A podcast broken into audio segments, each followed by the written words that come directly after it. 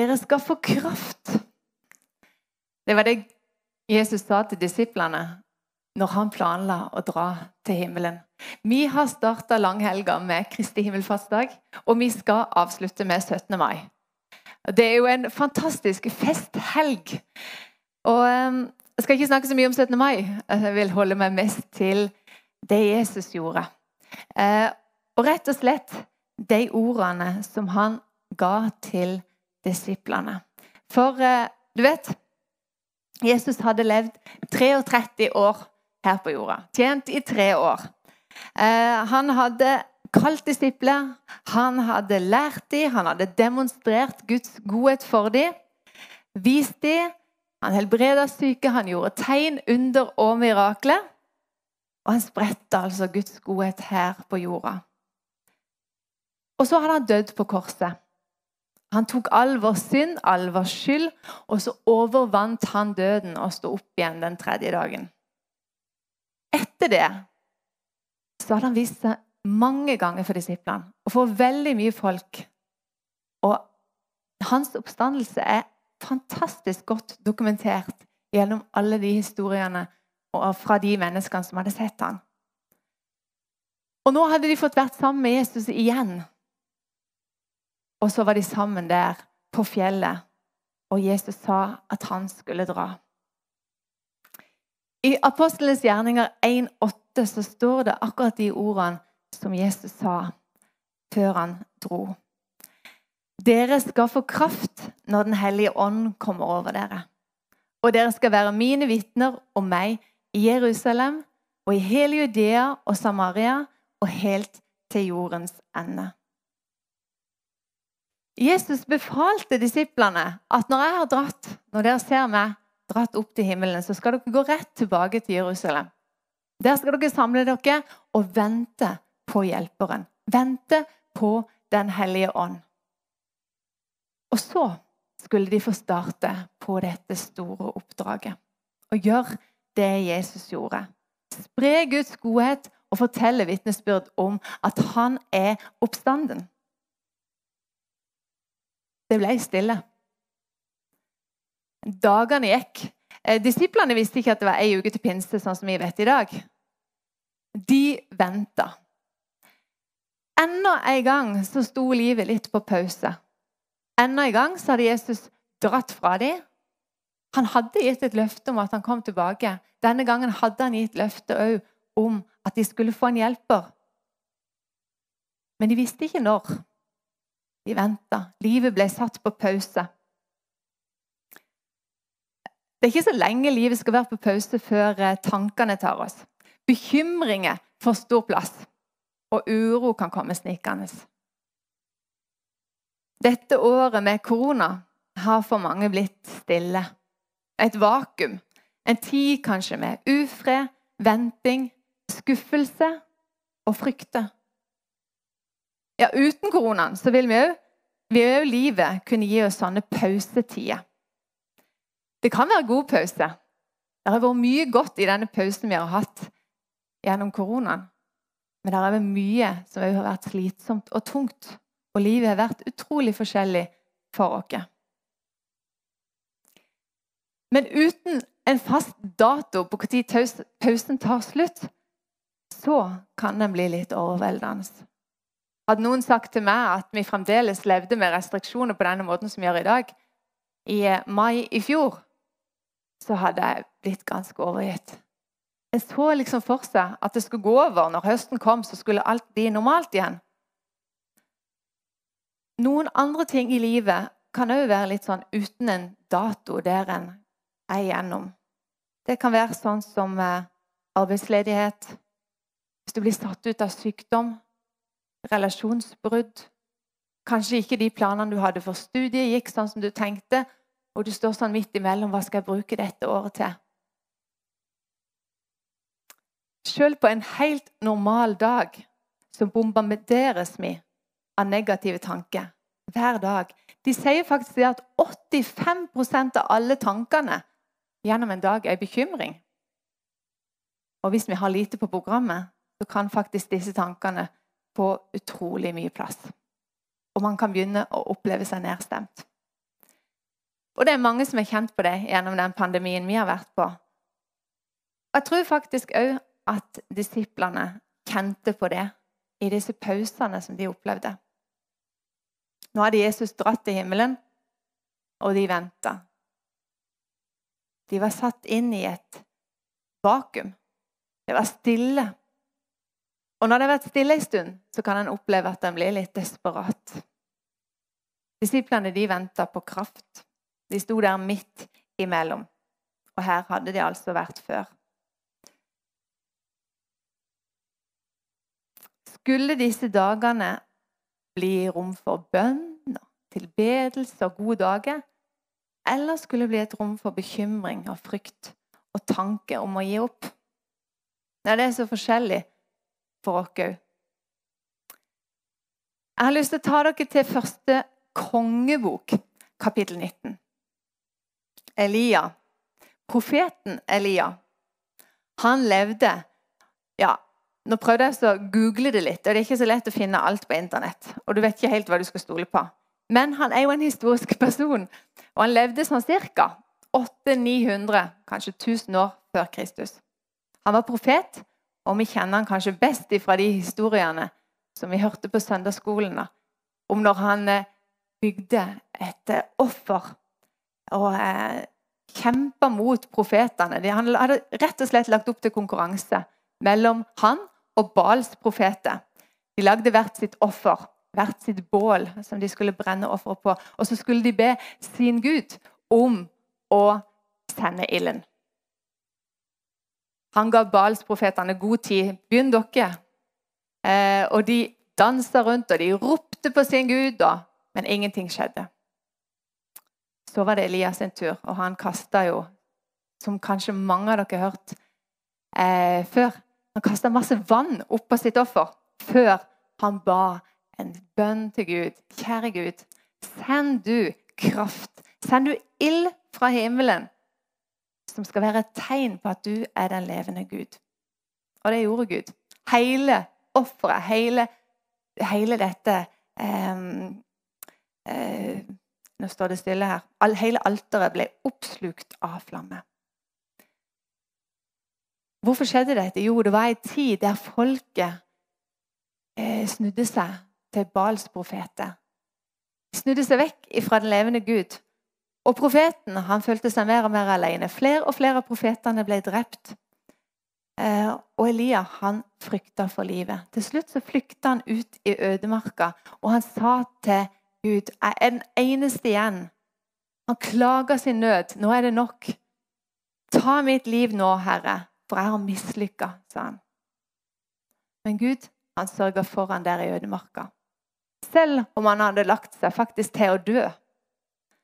Han fikk mat av Guds engel flere ganger, sånn at han skulle få kraft til å komme fram til Guds fjell, fjellet Horeb. Han skulle gå sjøl. Men han fikk kraft til å gå den strekningen. Han fikk styrke til å holde ut. Han skulle vente på Herren. Vi er sikkert flere hatt lyst til å gi opp mange ganger. Og kanskje tenkt 'Nå orker jeg ikke mer'. Tenk tilbake. Hva var det som gjorde at du holdt ut? Eli han kom fram til Håremfjellet. Han la seg inn i hula i fjellet for natta og venta på Gud. Han var desperat. Han trengte Guds kraft. Så kom det en storm. Men det står i kapittel 19 at Gud var ikke i stormen. Og så kom det et jordskjelv. Men Gud var heller ikke i skjelvet. Så kom det ild. Gud var ikke i ilden. Elia han hørte til slutt en svak sussing. Han dekka ansiktet. Han gikk ut i huleåpningen. Og han møtte Herren i den stille brisen. Der talte han til Elia, Elia og ga han et nytt oppdrag. Og I dette møtet med Gud så fikk faktisk Elia kraft og mot. I en stille, stille nærhet med Gud så skjedde det en forvandling. Han reiste seg, og han gikk på Guds ord. I Herrens nærhet så finner vi kraft og mot. Og det skjer en forvandling. Fra Elias sin klage så forandrer språket seg til tale om framtid og tro. Elia han kjente Guds stemme og hørte han i en stille bris. Ofte venter vi kanskje på en stor opplevelse hvis Gud skal tale til oss. Men i mitt 44 år lange liv nå så har nok 99,9% av alle mine møter med Gud vært mer enn opplevelse av at Herren hvisker. Gjennom Hans ord i Bibelen, gjennom en tale, en sang og en bekreftende tanke i hodet mitt. Ja, Toril, det er sånn. Det er det. Du er god nok. Eller av og til en litt brysom fornemmelse. Nei, dette er ikke greit. Du kjenner det, Toril. Ikke gjør det. En veiledende, mild hånd som bare ønsker at jeg skal leve i den friheten som han har gitt. At mitt hjerte skal være fylt av glede og fred. Men eh, jeg må innrømme jeg kan ha mange ulike tanker i hodet. Og hvordan vet jeg hva som er Guds hvisken? Jo, jeg må kjenne Bibelen. Gud taler aldri imot sitt ord. Og nummer to Gud taler oppmuntring og styrke til å fortsette. Gud inspirerer selv når han formaner. Og hos han så er det ingen fordømmelse for de som er i Kristus. For oss som er tatt imot hans frelse, gaven av tilgivelse og gjenopprettelse, så er det ingen fordømmelse. Det står i Romerne 8,1. Så kjenner jeg på tanker og fordømmelse, at jeg ikke er god nok. At jeg skulle gjøre ting bedre, at jeg skulle vært mer sånn som den eller den. At jeg burde slutte. Så vet jeg og det er ikke ord ifra himmelen. Men å kjenne Guds stemme, det må en lære seg. Med vandringen sammen med han. Min mann han plystrer når han kommer hjem fra arbeid. Eh, alle vet når pappa kommer hjem. Og til og med hunden vår reagerer og springer ned for å møte ham. Sånn var det òg i barnehagen når eh, han skulle hente ungene da de var små. De kjente igjen pappa sin plystremelodi. De brå stoppa i leken. Og nå håper jeg dere hørte han. Jeg tenkte skal jeg prøve meg på den plystringa. Jeg må nesten gjenta det i tilfelle ikke det kom, men det er noe sånn som dette. Å, nå er jeg tørr i munnen. Ah, nei, det var dårlig. Mannen min er tekniker i dag, og han sitter og plystrer allerede. Um, men ungene de brå stoppa i leken. De reiste seg opp og de bare sprang mot porten og kunne rope 'Pappa er pappa er!' Men de så han fremdeles ikke. Men de hadde bare hørt lyden. Han er her. De kjente lyden. Mila er oss òg å kjenne vår Far i himmelen sin stemme jo mer vi lytter til han. Han roper sjeldent. Han hvisker. Det mest forvandlende som har skjedd gjennom mitt liv sammen med Den hellige ånd, med hjelperen som jeg også ser i disiplenes liv og Elias sitt liv, er et nytt språk. I Herrens nærhet et, så gir det et forvandla liv. Det gir kraft, det gir mot, men det gir òg et nytt språk. Ja, og Hvis vi da spoler fram til pinsedag og tenker ja, nå tenker hun på tungetalen så kunne det vært det. Men akkurat nå så tenker jeg på det språket. Det er tale i meg sjøl, i mitt eget hode. Åssen jeg taler til meg sjøl. Det forandrer seg òg for disiplene, og det forandrer seg òg for Elia. Det forandrer seg i Guds nærhet. Ja, Åssen forandrer disiplene sitt språk seg? Jo, du kan både se, eller spesielt når Jesus døde, og hvordan disiplene de gjemte seg. Nå er det slutt sa de nok til hverandre og til seg sjøl. Nå må jeg bare passe meg, så ikke jeg òg blir tatt og drept. Ja, nå blir det vel fisking framover. Nå er det over. Til når de hadde møtt han igjen og fått hans nærhet tilbake, så sa de Jesus har stått opp. Alle må få høre det. Om jeg så sitter i det innerste fangehullet, så vil jeg prise det. Koste hva det koste vil. Du har kalt meg. Jeg er god nok. Jeg er tilgitt, og jeg er rein. Sånn var det for disiplene når de fikk hjelperen, når de møtte Den hellige ånd og ble døpt i hans ild og fikk den på innsida. Ble de lykkelige? Ja, du ser jo Peter på pinsedag. Han ser lykkelig ut. Endte det godt? Nja Hver eneste av disiplene de døde jo martyrens død. Men dette med lykke Det har jo vært litt sånn Ja, det er på en måte hovedmålet for menneskene på jorden. Å bli lykkelig. Ikke sant? Jeg vet ikke om du kjenner det igjen. Jeg husker et program med typisk det av Petter Skjerven. Det ene programmet handla der om lykke, og det ble nesten som en gudstjeneste for meg. For der spurte han hva gjør mennesket lykkelig. Kanskje du tenker nå er Toril på litt sånn sidespor. Litt sidespor er men jeg skal komme fram igjen til poenget. For hva gjør mennesket lykkelig?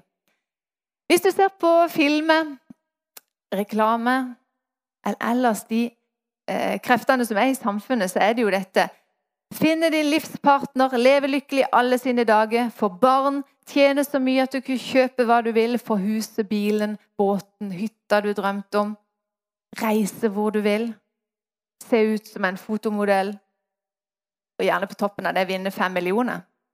Det hadde vært noe. Nei, dette er ofte det vi drømmer om. Men forskning viser faktisk at du blir mest lykkelig av å leve for noe større enn deg sjøl. Finne meninger med livet. Og dette sa altså en forsker på TV2 i Norge. Og jeg tenkte yes. Og det finner vi hos Jesus. Hos han finner vi mening, et mål og en kjærlighet og en nåde helt betingelsesløst som en gave. I Romerne så står det òg om å fornye sitt sinn. Det betyr å ta ut et gammelt tankesett og bytte det ut med et nytt. I hans nærhet så kan vi oppleve sannhetene som står i hans ord. Jeg er skapt og ønska av den levende Gud. Jeg er verdifull og elska både på min beste og på min verste dag. Ikke på grunn av hva jeg klarer, men fordi jeg er hans barn. For meg er det framtid og håp. Jeg er med deg alle dager, inntil verdens ende, sier han. Det betyr jeg er jo aldri alene. Den hellige ånd er med meg. Og gjennom å tenke hans tanke om meg og mitt liv, så kan jeg oppleve fred. Den fred som overgår all forstand. Den fred som holder midt i stormen, uansett hva livet skulle kaste mot meg. Jeg kan holde blikket festa på Han, min Jesus og min frelse. Og gjennom min takkebønn og min lovsang, da kan jeg kanskje få oppleve at de 85% bekymring kan snus til 85% glede og fred. Jeg vil avslutte med Paulus sin bønn til efeserne. For Gud har gitt sin kraft. Og om vi står i en tid der vi føler vi står liksom midt imellom, og man blir full av bekymring eller mismot, så kan vi fylle oss i hans nærhet med hans kraft, med hans oppmuntrende ord og med hans kjærlighet og omsorg til oss. Og I Efeserne 1, 17 så står det Jeg ber om at vår Gud og Far skal gi dere visdom og åpenbaring, så dere kan lære Han å kjenne. Jeg ber også om at dere skal forstå hvilken fantastisk framtid Gud har kalt oss til. Han har nemlig bestemt at vi som tilhører Han, skal arve den rikdommen og herligheten som finnes hos Han. Han har også utrustet oss med sin herlige kraft. Den samme kraften som han reiste Kristus opp fra de døde med, og som satte han ved Guds høyre hånd i himmelens rike. Kjære far, jeg vil bare takke nå for hver enkelt som sitter og lytter til dine ord i dag. Jeg ber om at de skal få oppleve ditt nærvær i dag, og at du fyller hver enkel med din fred. Og så ber jeg om at de som ikke kjenner deg, skal forsøke deg å ta imot din frelse. Jeg vil fortsette bare å be om legedom for de som er syke. Lys inn i hverdagen for de som opplever det mørkt og tungt. Takk for at du alltid går sammen med oss.